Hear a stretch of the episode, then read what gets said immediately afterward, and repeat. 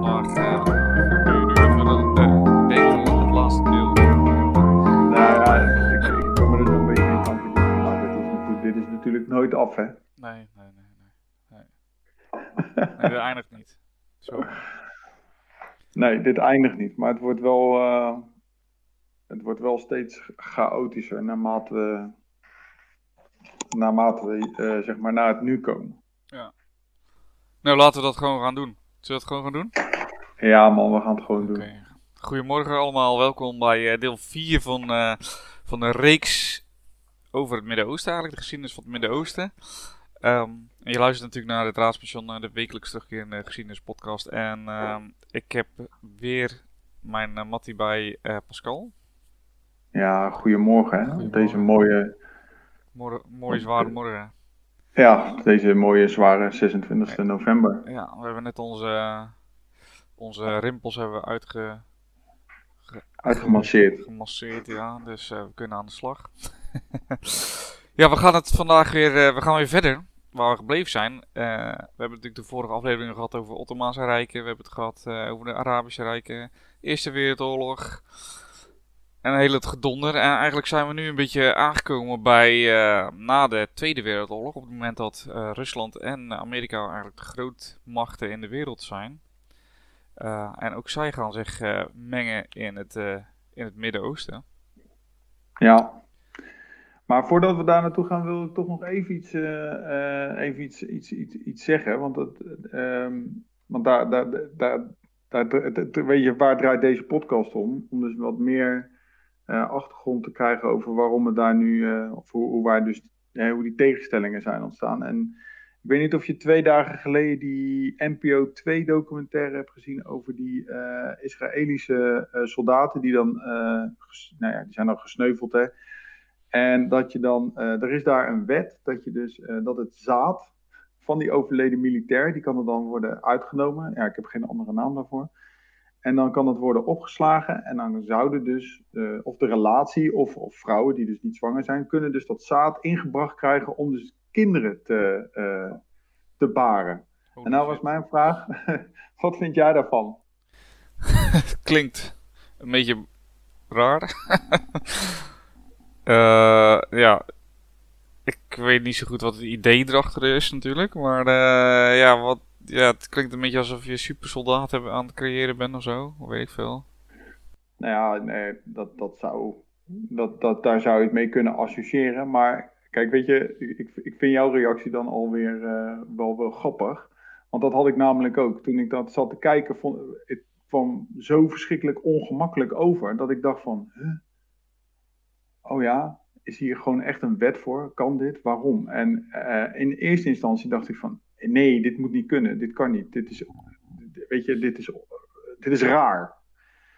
En, uh, maar toen ben ik me toch eens wat meer over na gaan denken. En Kijk, dat is dus wat ik, nou ja, zeker in deze podcast gewoon wel belangrijk vind om eens over na te denken. Kijk, de eerste reactie die ik hierbij heb is echt, dit is echt fucking maf, dit is raar, dit kan niet, dit moet je niet doen, dit moet je niet willen. Mm.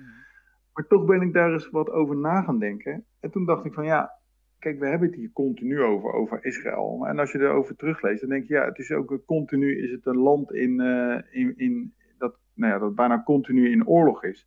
En dat moet beschermd worden. Dus als je dan eens gaat kijken naar de gedachte die hier dan achter zit, ja, dan vind ik dat wel logisch. Het is, A, is het een volk wat continu uh, nou ja, uh, met uit, met, ja, dat, dat bedreigd wordt met, met uitroeiing. Dan hebben ze een land, zijn ze continu in oorlog. Dus zij hebben echt wel de ultieme noodzaak om ervoor te zorgen dat er nageslag komt. Dus ga je dus zoeken naar dingen om ervoor te zorgen dat er dus nageslag blijft komen. En waarom? Ja, zodat je je eigen land dus kan beschermen. Dus vanuit dat oogpunt dacht ik, ja, vind ik niet eens een stomme gedachte. Nee. Maar of het, kijk, ja, ik bedoel, als je er op een ethisch, als je er ja, uit, vanuit de ethiek naar gaat kijken, dan denk ik van, hé, hey, ja, ja, is dit wel, uh, is dit wel oké? Je ziet dan ook in die, uh, in, die, in die documentaire ook een vrouw, die raakt er helemaal door geobsedeerd. En op een gegeven moment, daar, uh, tijdens een verkeerscontrole, dan gaat er een politieagent die, uh, nee, die, komt, die overlijdt daar. En dan gaat die vrouw, die dus ook een zoon verloren is, gaat dus naar die familieleden toe, die nog helemaal in dat rouwproces zitten. En zegt, ja, weet wel dat je dus je zaad kan doneren om, om, om, om dus eventueel later nog nageslag van die, van, van, van die kunnen krijgen. Eetje, ja. ja, ja, ik, uh, het is ook wel iets waar ik aan dacht, dat het ergens daarmee te maken zou hebben. Andere gedachte had ik van een soort van... Uh, om de bloed, bloedlijn puur te houden of zo. Dat kwam ook weer uh, kwam ook in mij naar boven, zeg maar. Een soort nazi-broedmachines kwam in, bij mij naar boven, dat, die associatie. Maar ja, ergens snap ik het ook wel. Ik weet het niet. Ik vind het lastig, man. Want vaak zijn die gasten die natuurlijk, die militair zijn niet zo oud. Ik bedoel, je weet zelf ook wel, denk ik, hoe oud je was toen je voor het eerst werd uitgezonden. Ja, ja, ja, dan ben je 1,22 en dan ben je dus natuurlijk als, uh, als man ben je natuurlijk op zijn, uh, op zijn sterkst, op zijn vruchtbaarst. Maar dat is natuurlijk evolutionair is dat uh, gezien. En nou, nu terugkomend op het feit wat ik er net al zei, maar toen stond het ding nog niet aan. Ja, op een gegeven moment ben je op een leeftijd, dan, dan doe je er evolutionair doe je er niet meer toe. Ja. Wat ben jij nu? Ik ben nu, ik, ik, ik denk dat ik in zo'n overgangssituatie zit ik ontken het nog even. Maar goed, jij bent iets ouder dan dat ik ben, dus. Ja, precies. maar goed, eh, kijk wat jij ook net zegt. Het is denk ik ook wel, het heeft ook wel heel erg te maken met het, het, het, het behoud van de soort. Ja. Ja, eigenlijk moet dat niet nodig zijn, hè? Jawel. Want als je, nou ja, nou ik zeg niet dat. Uh, ik ga er niet prediken voor uh, behoud van soort en van identiteit, want het is, uh, dat is een heel lastig vlak. Maar ik denk dat wij, als je dat boek van Rutger Bregman leest, dan legt hij dat daar ook heel erg mooi in uit. Van, ja, dat, dat we van nature willen we dan onze eigen soort behouden, hè, waar dan ook tradities en dingen bij zitten. Nou, die noem die hele rotzooi maar op. Hè. Dat, ik, het behoud van Zwarte Piet is dan echt zo'n heel mooi voorbeeld daarvan. en dat we dus bang zijn dat anderen die dan niet op ons lijken, dat willen uitroeien. Daarom is empathie ook zo'n uh, verschrikkelijk, uh, een verschrikkelijk iets. Want je kan namelijk alleen maar empathie hebben voor, nou ja, voor je naaste en voor je eigen soort, blijkt dus. Oké. Als ik dit nou, zo hoor, dan denk ik van, weet je, op het moment dat we dus een, een buitenaardse invasie krijgen, dat is het moment waarop we als soort, als mens als soort zijn en niet meer als mensen onderling clubjes hebben of zo. Ja. Nou ja, dat is wel grappig, want wat je nu zegt, dit is echt het ultieme mooie bruggetje naar uh, de conflicten in het Midden-Oosten. Want neem, voor de, neem dan voor die buitenaardse invasie een ander land. Ja. Dat verenigt. En volgens mij, uh, vanuit de geschiedenis gezien, is het uh, als je interne onrust hebt, creëer je dan een gemeenschappelijke vijand. Want als je dan een gemeenschappelijke vijand hebt, dan kan je de rust in je eigen land weer behouden. Nou, Hoppakee, de cursus politiek voor beginners deel 1. Precies, ja. ja. Grappig dat je dat zegt, want daar dacht ik ook gelijk aan. Maar dan denk ik ook heel vaak als ik naar uh, het, als we naar nu kijken, dan denk ik, ja, er zijn ook bepaalde partijen op dit moment die uh, precies hetzelfde doen naar mijn gevoel. En dat is als er uh, intern onrust is, dan ga je een gemeenschappelijke vijand creëren. Ja, en als je dan, nu heb je als dit uitkomt, dan is het natuurlijk wel oud nieuws. Maar uh, Cherry, die is wel heel erg uh, wisselvallig. Ja, ik, ja, dat is echt wel heel bijzonder. Het, het, het, is nu naast corona het meeste, het meeste nieuws. Ehm, ja, wat doet hij nou? Waar ben je nou mee bezig? Wat doe je? Ja. Ik, volgens mij gaat het niet heel erg goed met hem. Maar goed, laten en, we... En zijn positie in de partij. Nee, precies. Nee, uh, want als die tweede, uh, die tweede van die partij of zo, of een of andere ik weet niet, ik heb me niet verdiept in, uh, in, in het forum, maar als je ziet wat die zegt, dat hij moet ja, aftreden. Nanninga of zo. Ja, Nanninga, ja. ja. ja. Goed. Anyway, laten we naar het Midden-Oosten gaan. Um, je had de brug al gemaakt en ik sloop hem gewoon weer. Oh. Ja, ja, jij blaast hem aardig op, maar dat, dat, dat is helemaal in de lijn van wat in het Midden-Oosten allemaal gebeurt, joh. oh, je maakt er nog eentje gewoon. Netjes. Ja. Je repareert de brug. Je repareert de brug. Ja, de, belangen van Amerika en Rusland zijn natuurlijk wel duidelijk in het Midden-Oosten. Dat uh, gaat vooral om, uh, om olie. Uh, er zit ook een stukje ideologie achter natuurlijk. Dat ze proberen een zo groot mogelijke buffer te maken voor zichzelf. Dus dat de ruimte tussen de ene ideologie, het communisme of het kapitalisme, een soort, ehm, ja, hoe zeg je dat? Een soort kreukelzone heeft. Ja. En, ehm, en vandaar hun inmenging in het Midden-Oosten. Ook. en jij hebt je erin verdiept, vertelde u mij. Dus we zijn de Tweede Wereldoorlog geëindigd volgens mij. En de, de, opkomst van Irak. Ja, ja uh, maar toch even nog teruggrijpen op die twee uh, oorlogen die tegen Israël worden uh, gevoerd. Dus is dat de eerste, die Zesdaagse Oorlog. Mm nou, dan zie je dus dat die, ja, die Nasser, die, ja, die, die, die, die, die, ja, die hebben dus, nou ja, die, die, die eerste oorlog in 48, daar hebben ze, die hebben ze natuurlijk ja, die hebben ze verloren. Dus dat zit, dat zit ze nog een beetje dwars. Hè. En uiteindelijk uh, in, in, in 67 dan gaan ze nou ja, dusdanig positie innemen dat ze die Sinaï weer terug willen. En ze zijn op handen om met eh, Egypte en Syrië om dan die oorlog te gaan voeren tegen Israël. Maar die Israël die heeft gewoon een mega goede geheime dienst. Dus die krijgen daar lucht van. En die denken van nou weet je wat we doen? Wij delen even de eerste klap uit. Nou, en dat was een eerste klap ook, want die, uh, organiseren, die hebben gewoon een goed georganiseerd leger, daar kan je niet onderuit. En echt, nou ja, in, zes dagen, in één dag wordt de complete uh, Egyptische luchtmacht die wordt, uh, vernietigd. En nou ja, Israël die kan gewoon bijna doorrijden tot Cairo, de hoofdstad van Egypte. En die bezetten dus die Sinaï en de Golanhoogte in het noorden. Want ook Syrië krijgt het gewoon niet voor elkaar. En ja, dit is wel echt het beginpunt. Want uiteindelijk wordt er een VN-resolutie aangenomen, resolutie 242. En ja, die zeggen van ja, uh, jullie moet, Israël moet land teruggeven en dan krijgen we weer vrede. Uh, alleen de, de Arabieren dan, ja, die zeggen wij gaan gewoon niet onderhandelen. En dan is dat dat drie keer nee-principe. Geen land, geen vrede, geen onderhandelingen. Ja, en als je dan niet met elkaar kan praten, zit je in een soort padstelling. Dus Israël behoudt de Sinaï en de Golanhoogte. Waarbij de Golanhoogte echt super belangrijk is voor uh, het achterland van Israël. Omdat de Golanhoogte, zoals het al zegt, een hoogte is in militair opzicht. En dus een ontzettend belangrijk terreindeel is. Een beheersend terreindeel. En uh, Israël blijft er lekker zitten. Nou, ze zeggen, ja, waarom vertelt het allemaal? Maar de PLO, die op dat moment ook een beetje in opkomst is, dus dat is de Palestijnse bevrijdingsorganisatie, die zit een beetje te wachten dat die Arabieren die Israëliërs een beetje op hun uh, falie geven. Maar dat lukt dus niet.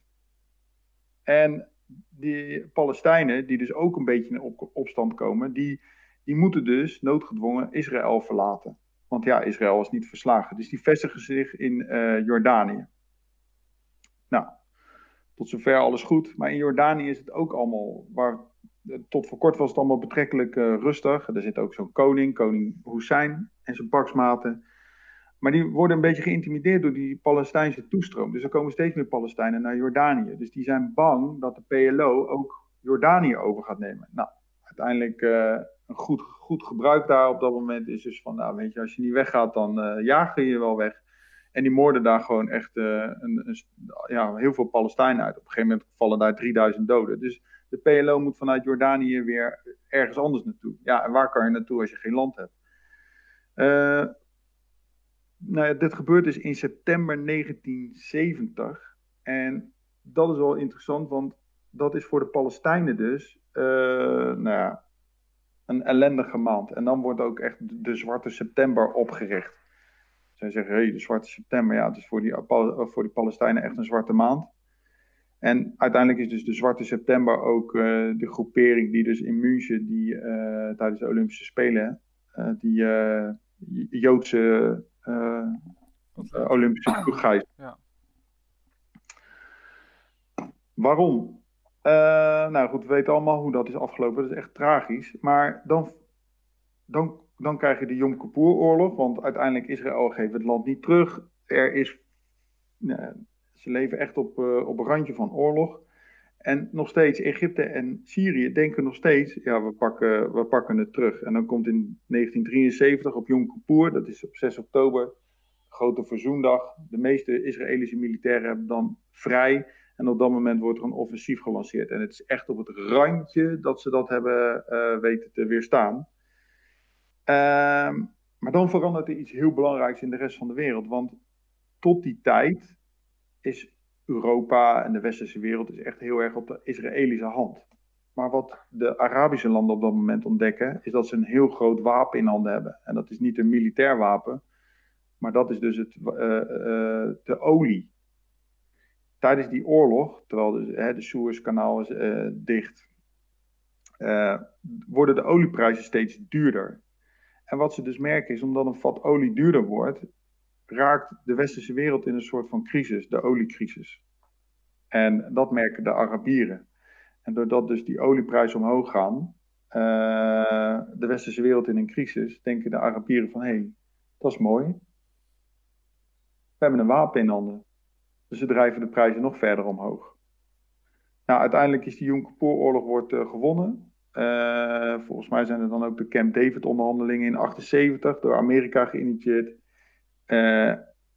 Israël geeft die Sinaï terug maar blijven wel op de Golanhoogte, om wat ik zo net al noemde. Dat is gewoon een militair belangrijk uh, uh, terreindeel. Yom Kippur, Grote Verzoendag, 6 oktober 1973. Uh,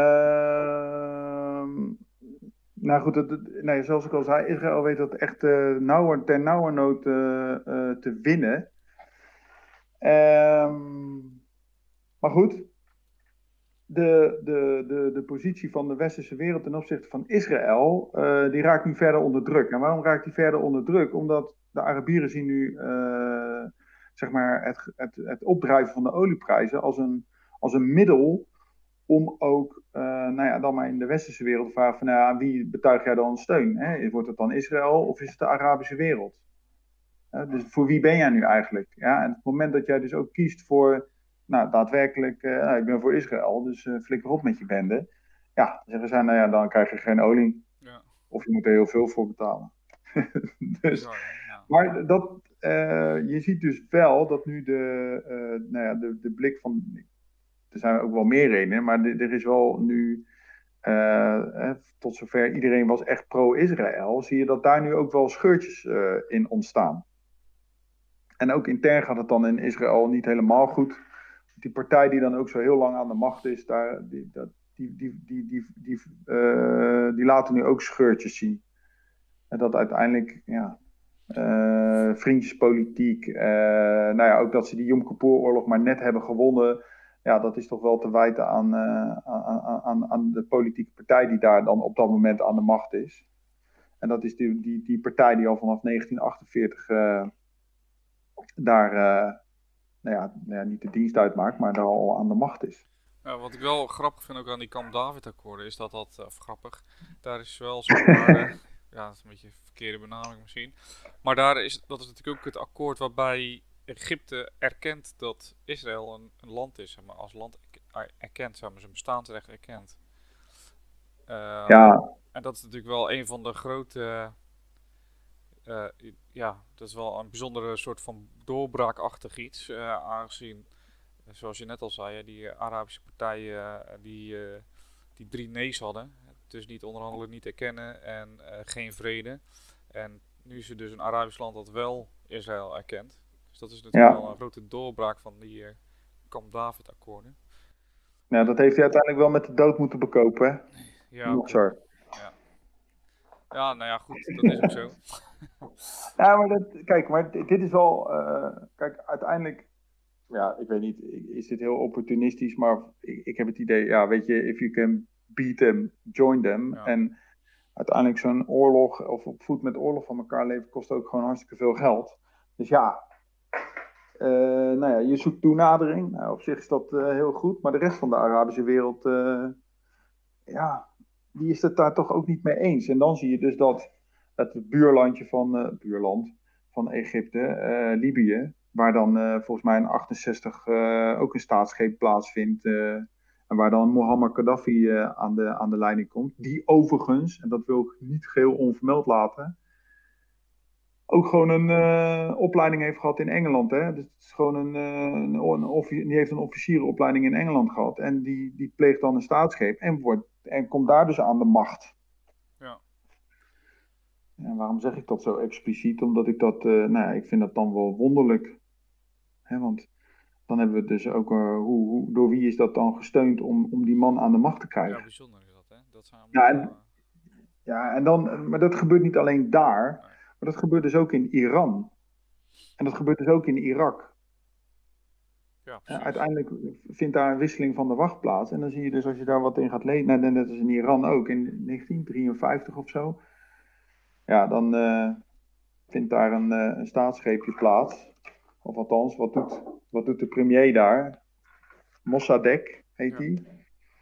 Nou, die Mossadegh die denkt, uh, ja, we hebben hier die British Iranian Oil Company. Nou, die steekt alles, alle, alle opbrengsten van de olie steekt hij in zijn eigen zak. Ja, dat is een mooi verhaal, maar daar ga ik niet mee akkoord. Vind ik dat hij daar een punt heeft. Ja, ja maar een beetje wat nog natuurlijk, hè? Dat is, dat is natuurlijk nog wel.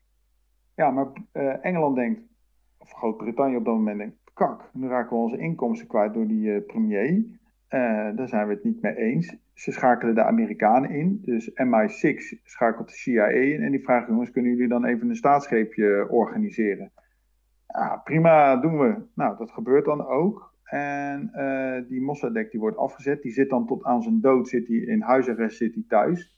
En uh, de Pahlavi, die dus tot, dan, uh, tot dan de Shah van Perzië was. Dus dat was een constitutionele monarchie, of hoe je dat dan ook noemt. En die wordt dan de eindbaas. Weet je wel, die krijgt dan in één keer meer macht. Ja, jongens. Vind je het gek dat het daar een zootje wordt? Ik snap dat je dat. Maar dan is het echt voor eigen gewin. En dat vind ik niet oké. Nee. nee, maar dat is natuurlijk uh, wat er steeds terugkomt. Uh, als, je, als je het echt goed gaat onderzoeken, die geschiedenis. Hè, als je er diep in gaat, dan zie je steeds de hand van allerlei geheime diensten. Die, uh, van, van grote rijken die allerlei. Ja, een soort van hoe zeg je dat, joh? Een soort, soort soort puppet state, hoe noem je dat? Wordt er gewoon... Marionettenstaf. Ja. Ja, en dat is makkelijk, want als jij dus een, uh, zo'n eindbaas daar neerzet, dan, uh, dan is dat makkelijk zaken doen. En dan, uh, dan kan je daar hele duidelijke afspraken voor maar meemaken voor op de lange termijn. En als het dan weer om olie gaat, ja.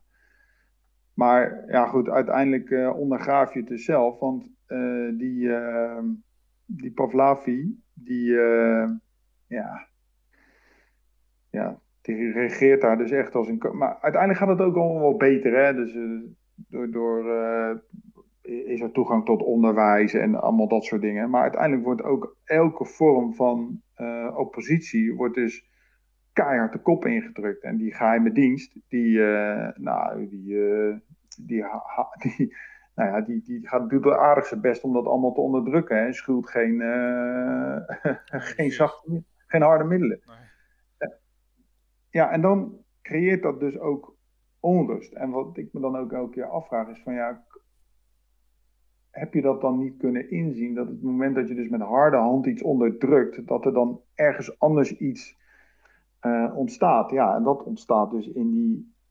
Nou ja, het ene, hè, je kan ze dus inderdaad alles afpakken. Maar wat je ze dus niet kan afpakken, is dus het stukje geloof. En dan wordt dus uh, nou, het gebruik van de islam wordt dus als een soort ja, middelgebruik van ja, dat verenigt ons. En uh, ja, dan krijg je dus die omwenteling in 79. En dan komt inderdaad uh, die, die, die islamitische revolutie.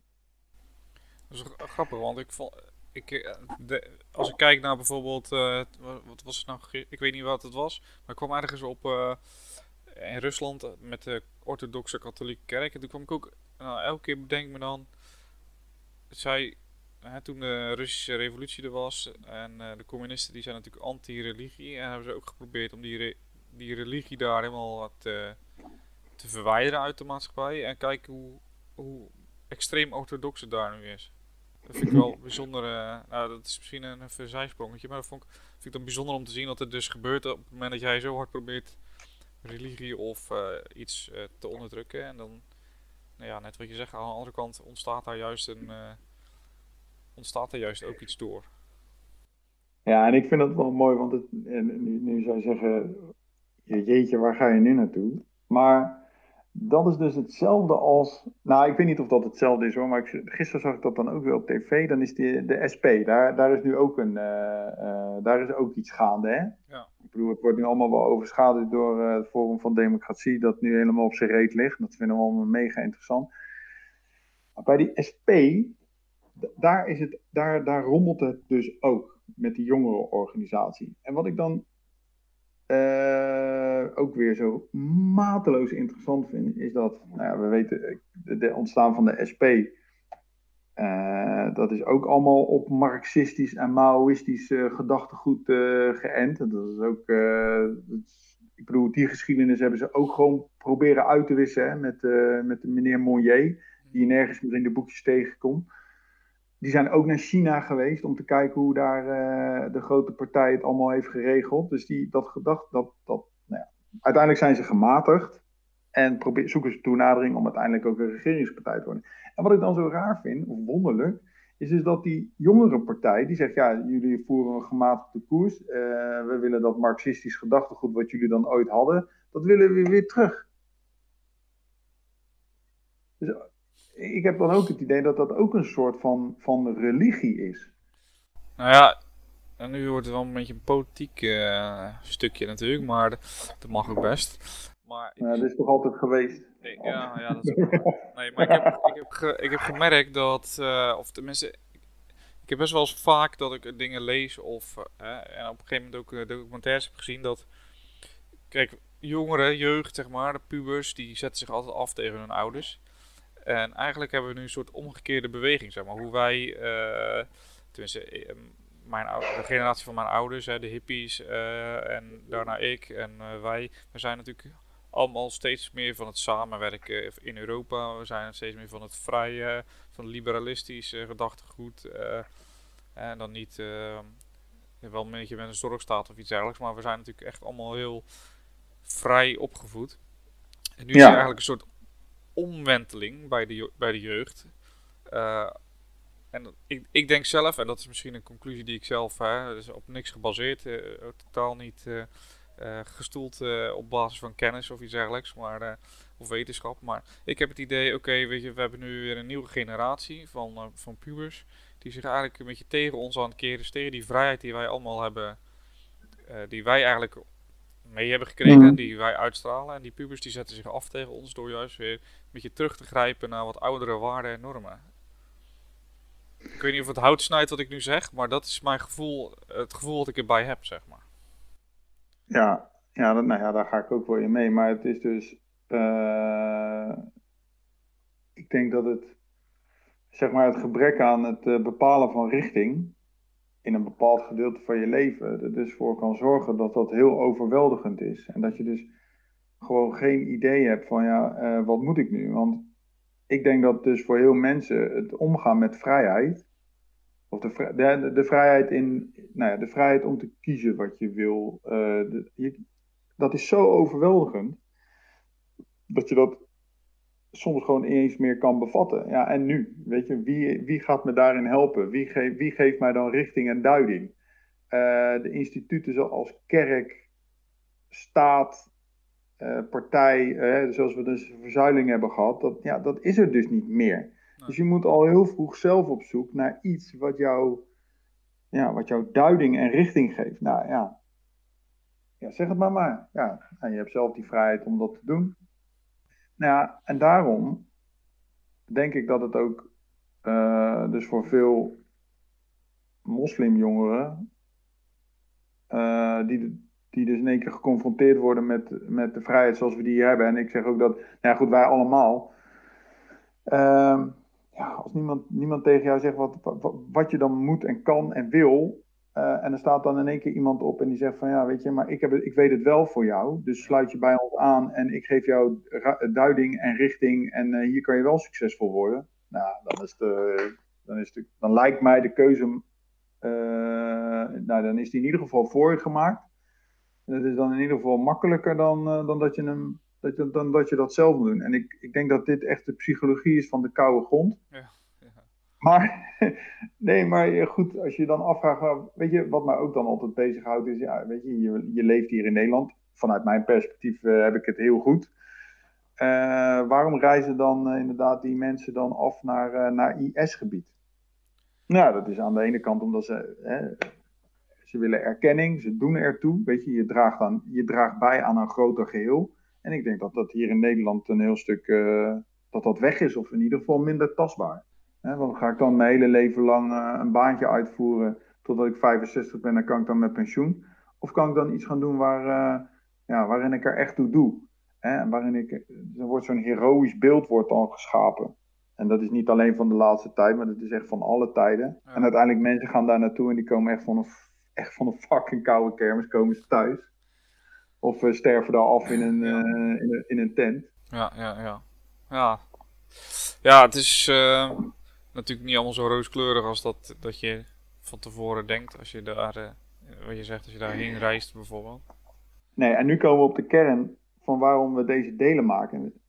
Dat ik die polarisatie zo vreselijk gevaarlijk vind. Want waar we het nu over hebben, dat is volgens mij waar het ook om draait. Als wij nu net vaststellen met z'n tweeën, met de psychologie van de koude grond, dat het moeilijk is om richting en duiding te vinden, uh, is het des te gevaarlijker dat heel veel mensen nu overal informatie vandaan kunnen halen en gaan verkondigen wat dan wel de waarheid moet zijn. En als ik dus niet die richting en duiding kan vinden, en ik sluit me dus bij iemand aan waarvan ik denk dat dat dus wel zo is, ja, dan is de kans heel groot dat je dus in een groep komt te zitten, uh, ja, die dus niet het beste voor heeft, of met onwaarheden aan de slag gaat. En daarom vind ik, dat is eigenlijk het doel waarom we dus deze podcast maken. Van ja, kijk, als wij dus vinden dat dat, dat in die Midden-Oosten dat het allemaal dat het een achterlijk volk is en dat we niet begrijpen waarom hier dan waarom we de profeet niet mogen beleven, beledigen, uh, vind ik het juist heel belangrijk dat er dus een geluid is waar, die dus aanspoort om, oké, jij hoort dus dit, maar zoek het dan even uit waarom dat dan dus gebeurt. Ja. net zoals ik al in het begin zei, uh, ja, ik, ik vind daar echt wat van hoor, dat, uh, dat die Israëlische vrouwen de zaad van overleden militairen kunnen gebruiken om kinderen te krijgen. Daar word ik dan echt, dan denk ik, nee, ik vind dat echt heel maf. Daar kan ik het bij laten en dan heb ik een oordeel. Maar wat ik belangrijker vind, is, is dat je is, gaat nadenken over, oké, maar hoe kan dit dan? Waarom gebeurt dit? Ja. Ik vind er wel wat van, maar kan, aan de andere kant kan ik ook zeggen, ja, ik kan dat ergens wel begrijpen. En dan heb je een veel gematigder iets. En dan kan je dus ook met elkaar uh, in gesprek daarover. Ja, precies. En dat is denk ik ook echt een spijker op zijn kop uh, met betrekking tot geschiedenislessen of maatschappijleerlessen op het, op het middelbare onderwijs. Uh, maar ook gewoon in het algemeen voor mensen, weet je, verdiep je gewoon. Verdiep je gewoon uh, want wat je zegt, hè, roepen is heel makkelijk. En we hebben het, we hebben het volgens mij, ik weet niet of het live was, maar we hebben het gezien in bijvoorbeeld, uh, wat was het, Jinek met, uh, hoe heet ze, Femke Louise. En dat, die, dat dan degene, die Diederik Gommers, hè, wat is hij ook weer, de hoofd IC, hoofd IC of zo, of vertegenwoordiger van de IC-afdelingen. Dat juist die, die in het ziekenhuis werkt met coronapatiënten, empathie toont en, en, en een, soort, een andere kant laat zien van, van iedereen die haar dan uitlacht. En dat hij dan, uh, ja, zoals ik al zei, empathie toont en met haar in gesprek gaat. En dat zij dan uiteindelijk volgens mij denkt nu van oké, dat was misschien niet zo handig wat ik heb gedaan. Terwijl dat als iedereen gaat lopen roepen je bent dom, dan, uh, dan bereik je het tegenovergestelde. Ja, dus ja. Op die manier kun je gewoon, je, je hebt al een oordeel klaar hebben, dat is soms heel fijn. Hè? Ik vind het ook wel eens fijn om iemand gewoon uit te uit te schelden voor pannenkoek uh, als hij iets uh, debiels doet. Maar om er gewoon even te in, in, te verdiepen van oké, oké, ik vind het heel raar, maar waarom doe je het dan? En probeer dan eens achter beweegredenen te komen. Probeer eens achter iemands uh, geschiedenis te komen. Ja, want vaak hoe we het nu doen, wordt ook ingegeven door wat we hebben meegemaakt. Hè? Dat is natuurlijk het stukje nurture. Je hebt nature en nurture. Hè? En, en dat gebeurt soms te weinig, heb ik het idee. Tenminste, kijk, we zien natuurlijk alleen de negatieve reacties. Hè. Als ik Facebook open, uh, en ik heb het laatst heb ik het van mijn telefoon afgegooid, gewoon omdat ik het zat was. Als je Facebook opent, zie je alleen negatieve reacties van uh, mensen. En ja, soms, uh, ja, ook daar moet je eigenlijk, moeten wij achterkomen van, oké, waarom reageren zij nou zo? en ook natuurlijk als je kijkt, als je dat breder trekt naar hoe populair de forum en PVV bijvoorbeeld is of zijn of waren. Ja, er zit ook een bepaalde gevoelens zitten achter. Dus ook die moeten we natuurlijk analyseren en serieus nemen. Want de ene manier waarop je naar elkaar toe komt is als je elkaar serieus neemt. Uh, en ik hoop, Gewoon, ik hoop gewoon dat we dat ook een beetje overbrengen in deze vierdelige serie. kom weet je, luister naar elkaar en kom naar elkaar toe. Ja, eens. Heer, heer, heer, heer. Ja, denk dat we nu echt wel de, de, de kernboodschap van deze podcast uh, hebben gehad. Ja, dat is wel grappig. Dus nu na vier delen komt dan eindelijk dat, uh, dat, dat hoge woord uh, komt er dan uit. ja, precies. We hebben Israël vooral gehad. Hè. We hebben Irak en Iran hebben we gehad. Er zijn natuurlijk een aantal conflicten geweest in het Midden-Oosten. Um, natuurlijk tussen Iran en Irak. 22 september 1980 valt Irak eigenlijk Iran binnen. Uh, ja. Irak, Iran. En uh, Irak wordt daar gesteund. En dat vind ik, vond ik bijzonder om te, te, te weten door de westerse mogendheden. Ik vond het bijzonder. Ja. ja, en ook natuurlijk in Irak, ook, als je kijkt naar Saddam Hussein, hoe die dus uh, wordt gesteund. Ja, die wordt dan op een gegeven moment ook gesteund door, ja, door de Amerikanen en de Engelsen. Want die denken van ja, weet je, we moeten Iran uh, dan maar gewoon bezighouden met een, uh, met een oorlogje. En dan houden we de olieprijs ook een beetje laag. Ehm, ja, joh. En dan, dan wordt het ook echt een zootje. Maar de, de, ook, dan wordt het echt een zootje. Maar dan wordt het ook een zootje in Irak. Want tot die tijd gaat het vrij goed. Uh, vrouwen mogen naar school. Uh, de gezondheidszorg door de hoge olieprijs op dat moment is. Uh, kunnen, vrouwen kunnen naar school. Iedereen kan naar school. Je kan gratis naar school. Dat gaat eigenlijk allemaal best wel vrij goed. Maar dan krijgt meneer Hussein het toch echt wel in zijn bol. En dan, ja, die wordt, dat wordt een, een, een heerser ohne ende, weet je. En als je dus alles hebt, ja, wat, wat moet je dan nog meer? Dus ja, uiteindelijk heb je daar dan ook nog de Koerden die uh, beginnen te rommelen. Dus hij uh, onderdrukt ook iedereen die met hem is, onderdrukt hij als een malle. Ja. En hij is natuurlijk een Soenitische minderheid, dus hij onderdrukt de Shiiten, hij onderdrukt de Koerden. Uh, dus ook voor een hoop mensen is het in Irak dan ook weer niet oké. Ja, en dan breekt dus die oorlog uit, die Irak-Iran-oorlog. Nou, ik weet als kind dat, geloof ik, in die periode in de jaren tachtig werd het gewoon continu was dat uh, op het nieuws. En dat is echt een. Nou ja, elke oorlog is verschrikkelijk, maar deze oorlog is echt heel verschrikkelijk. Waarin er uh, gewoon kinderen door mijnenvelden heen worden gelo geloodst. Om, om zeg maar het pad te effenen voor de reguliere troepen. Uh, dat, dat, dat, dat is gewoon verschrikkelijk. Uh, gifgas wordt er gebruikt. Uh, als je daar foto's van ziet, nou, dan uh, denk je dat je terug bent in de Eerste Wereldoorlog. Dus geen middel wordt daar geschuld om elkaar het leven zuur te maken. Acht jaar heeft dat ding geduurd. Op dat moment is er ook nog eens een keer oorlog in het. nou, breekt er ook oorlog uit in Afghanistan. Ook van 79 tot 89 of zo. Dat de laatste Russische troepen uit en ook daar zie je weer die inmenging van Amerika en, en Engeland. Want op dat moment is dat communisme ook nog dik aanwezig. Ja. Uh, nou ja, Rusland valt Afghanistan binnen om voor mij nog volkomen onduidelijke redenen. Nou, voor mij was het een beetje hetzelfde eigenlijk wat we met uh, Saddam Hussein hebben gedaan. In eerste instantie uh, was het Afghaanse regime was, redelijk communistisch en toen kwam er een partij aan de macht die eigenlijk tegen dat communisme was. Of, ja. of minder communistisch. En uh, Rusland die valt eigenlijk Afghanistan binnen om dat uh, te herstellen. Um, ja.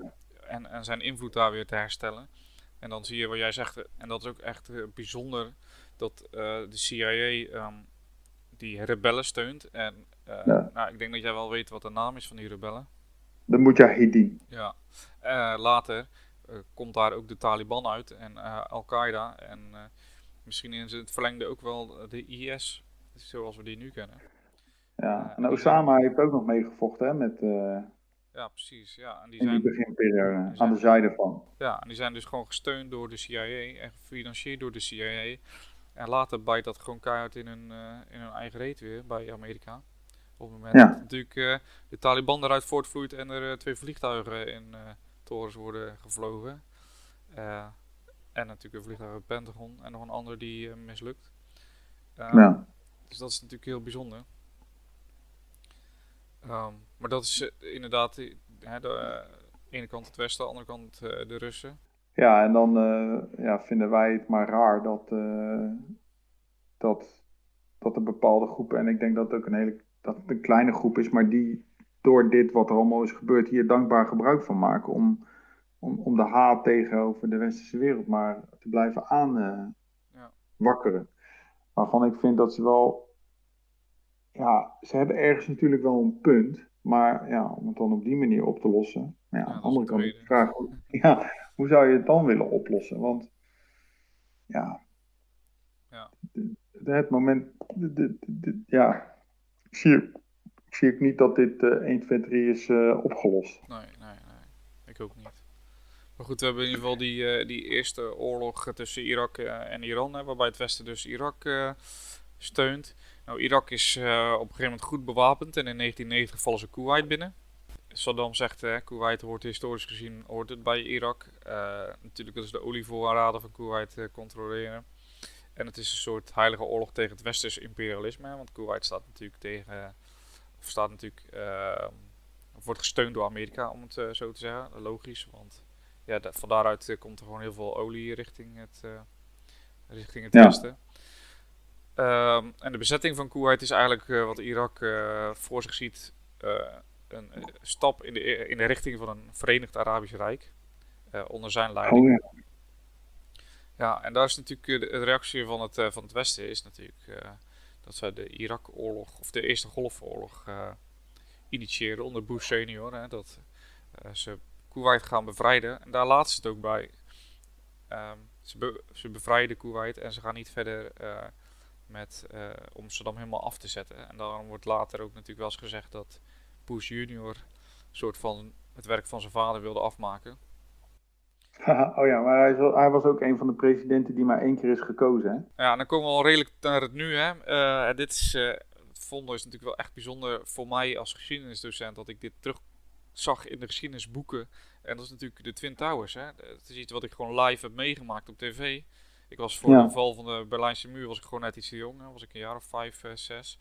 En nu uh, die Twin Towers heb ik gewoon gezien op tv. Ik heb gezien wat er gebeurde. Ik heb uh, heel de dag voor de tv gehangen.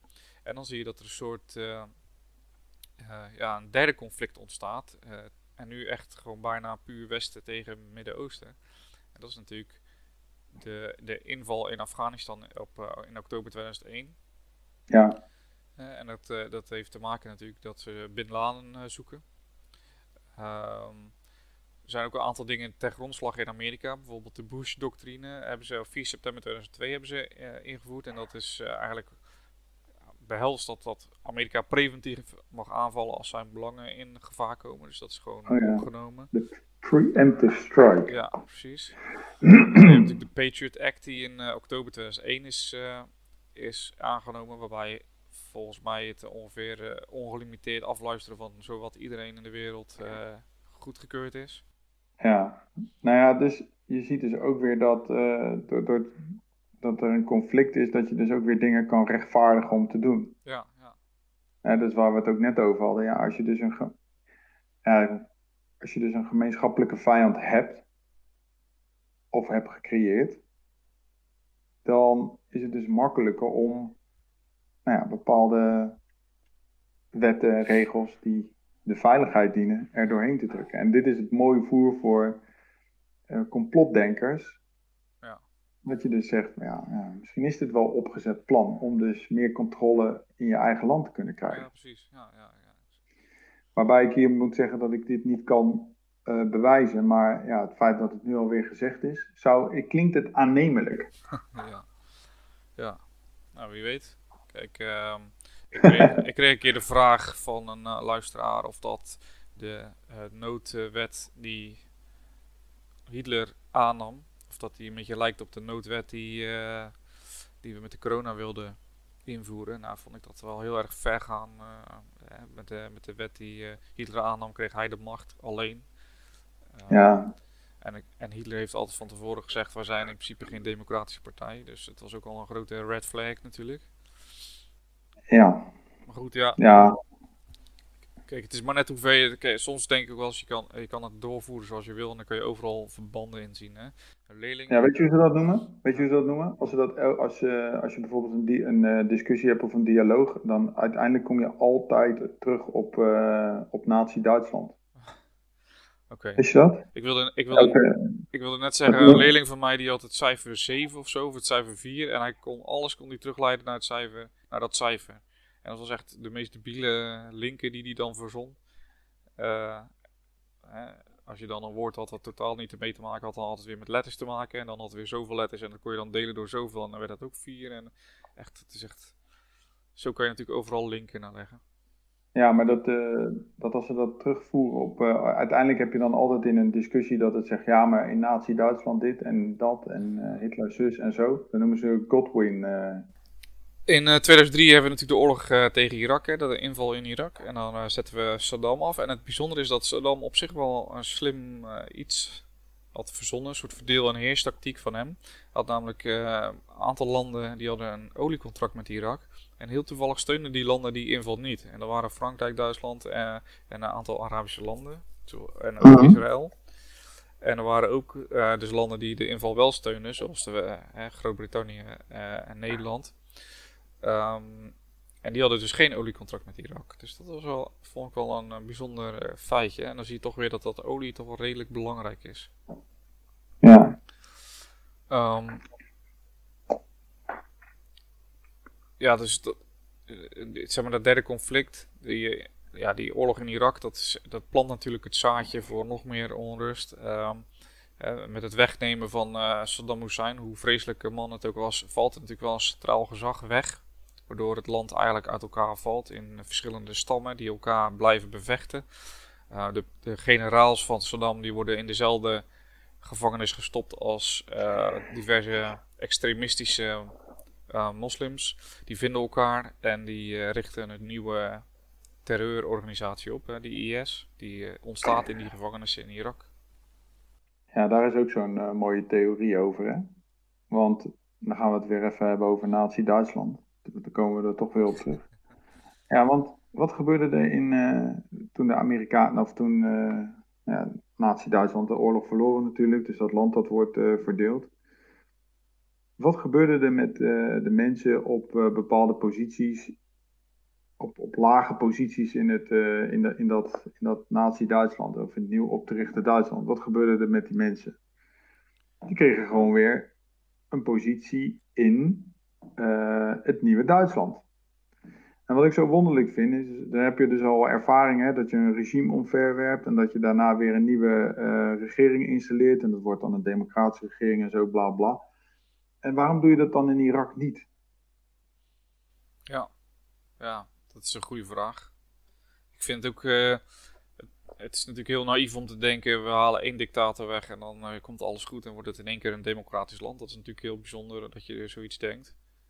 De vraag is natuurlijk ook, willen landen dem een democratisch land zijn? Ja, je komt dan zogenaamd democratie brengen, maar wil iedereen... Ja, kan dat ook. Ja. Kan het ook. Kan, Kan het ook. Maar je ziet dus wel dat de mensen die dus uh, ook in dat regime van Saddam Hussein hebben gezeten, die uh, worden dan ook in de gevangenis uh, gegooid. Of die worden ook in kampen gestopt. En nou ja, wat je al zegt, daar is ook het zaadje geplant van ja, wij zitten daar. En zij zijn natuurlijk een Soenitische minderheid. Uiteindelijk uh, nou ja, komt er een soort regering van Shiiten, Soenieten die dan met elkaar wisselen. Maar zij waren altijd de minderheid die dus wel de meerderheid uh, bestuurde.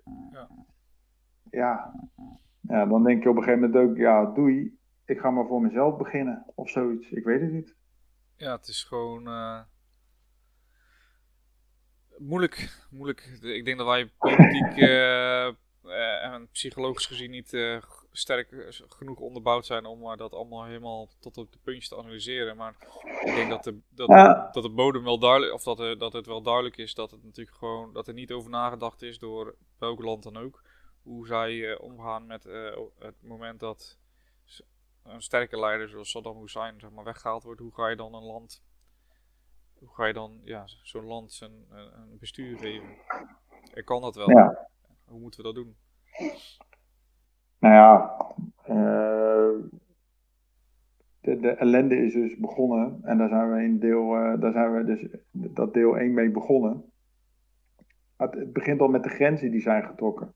En dat er totaal geen rekening is gehouden met de verschillende bevolkingsgroepen die daar uh, allemaal leven. Want waar we het niet eens, ja, daar hebben we het net even kort over gehad. We, we, hebben de Koerden, die hebben niet eens een eigen, die hebben niet eens een eigen land. Nee, waarom? Ja, dat het komt gewoon niet goed uit. Punt. Dat is niet heel fijn. En als jullie je eigen land hebben, dan, uh, ja, dan heb je ook recht op wat er in de grond zit. Dan ga je de olie verkopen die wij verkopen. Dus wij hebben daar een belang. Uh, dan heb je Irak. Nou, dat is ook een gecreëerd land. Daar heb je dan een Sjiitische meerderheid en een Soenitische minderheid. Uh, uiteindelijk is Saddam is dan uit die Soenitische minderheid die dan onderdrukt de Sjiiten, Koerden en al die andere volken. Dus ja, ja, het klopt gewoon niet. Ik uh, weet ook niet dat ik, uh, als ik daar in de jaren 20 de grens had moeten trekken, dat ik er ook rekening mee had gehouden. Maar wellicht hadden ze er in de geschiedenis wat meer rekening mee moeten en kunnen houden. En dat belang van olie wat meer op de achtergrond uh, moeten ja. zetten. Ja, ja, maar je, het is wel, je ziet ook natuurlijk, het is wel een soort terugkerend iets. Hè, um, dat op het moment dat zo'n sterke macht wegvalt, en dat is natuurlijk ook in, uh, in Afrika, Zuid-Afrika, of in Afrika eigenlijk moet ik zeggen, gebeurt. En op het moment dat de kolonisator daar is, die uh, behoudt de rust tussen alle partijen. En dan zijn die grenzen geen of een minder groot probleem. En op het moment dat die sterke centrale macht, die kolonisator, weggaat, ja, dan, dan ontstaan er burgeroorlogen van hier tot Tokio. En dat gebeurt ja. natuurlijk, ja, dat gebeurt overal. Dat is overal zo. Ik denk dat, ja, dus ik denk, het is gewoon oneerlijk verdeeld in de, in de wereld. Ja, ik denk als wij uh, Nederland, hè, als de Nederlandse regering wegvalt, dan uh, komt Friesland ook uh, Zuid-Holland bezetten. Ja, moeten ze proberen. nee, we moeten straks Fries gaan praten. Nee, jongen, hou op.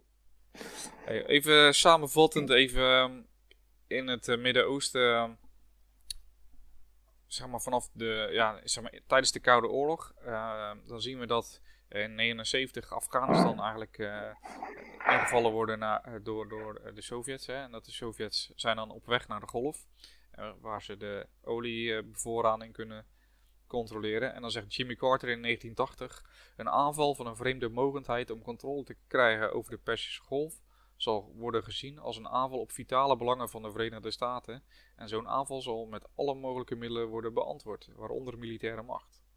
Dus dat is natuurlijk een behoorlijk statement. Um, dan zie je op een gegeven moment natuurlijk, de, hè, we hebben het over de islamitische revolutie uh, gehad, hè, dat Iran wegvalt als een soort buffer tussen Afghanistan en, uh, en het Westen, met betrekking tot de golf weer. En dan zie je ook die domino-theorie komt dan weer terug. Uh, die uh, bijvoorbeeld ook in Azië. Hè, dat als één land communistisch wordt, dan flikkeren alle landen daarom verder. Die worden allemaal communistisch. Nou, dat is dus ook. Dat denkt Amerika dus ook bijvoorbeeld in het Midden-Oosten. Daar passen ze dat ook gewoon toe. Um, je ziet eigenlijk in tussen 84 en 88 een soort verdeel- en heerspolitiek van, van Amerika. ik, het, het Iran-Contra-schandaal, ik weet niet of je dat kent. Nou, het is eigenlijk een, uh, een scha schandaal. Um, en het gaat over de illegale financiering van uh, um, en geheime wapenleveringen naar uh, Iran. Um, dus ja, dat, dat, dat zijn allerlei. we hebben het over gehad over de CIA die allerlei dictators ergens neerzetten. En, en, en dan zie je dat Amerika daar gewoon een hand in heeft om te proberen om die onrust daar een beetje te houden. Hè, wat jij ook al eerder zei in de podcast om te proberen om die olieprijzen zo laag mogelijk te houden. En dan zie je ja. in uh, 1990 zie je die annexatie van Kuwait door Irak. En dan zegt uh, Bush senior, uh, die zegt in 1990, wij kunnen niet accepteren dat Irak 20% van de wereldolievoorraden controleert en de positie van Saoedi-Arabië Saoedi-Arabië en in de OPEC ondermijnt. Ehm, dus in 1991 konden ze de de Golfoorlog konden ze best moreel verkopen, hè, want het is een invasie van uh, Kuwait, dus wij gaan ze helpen. Maar uiteraard mm -hmm. gaat het eigenlijk om veiligstellen van de olie. Dat blijkt wel uit, uh, uit die opmerkingen van uh, Bush senior.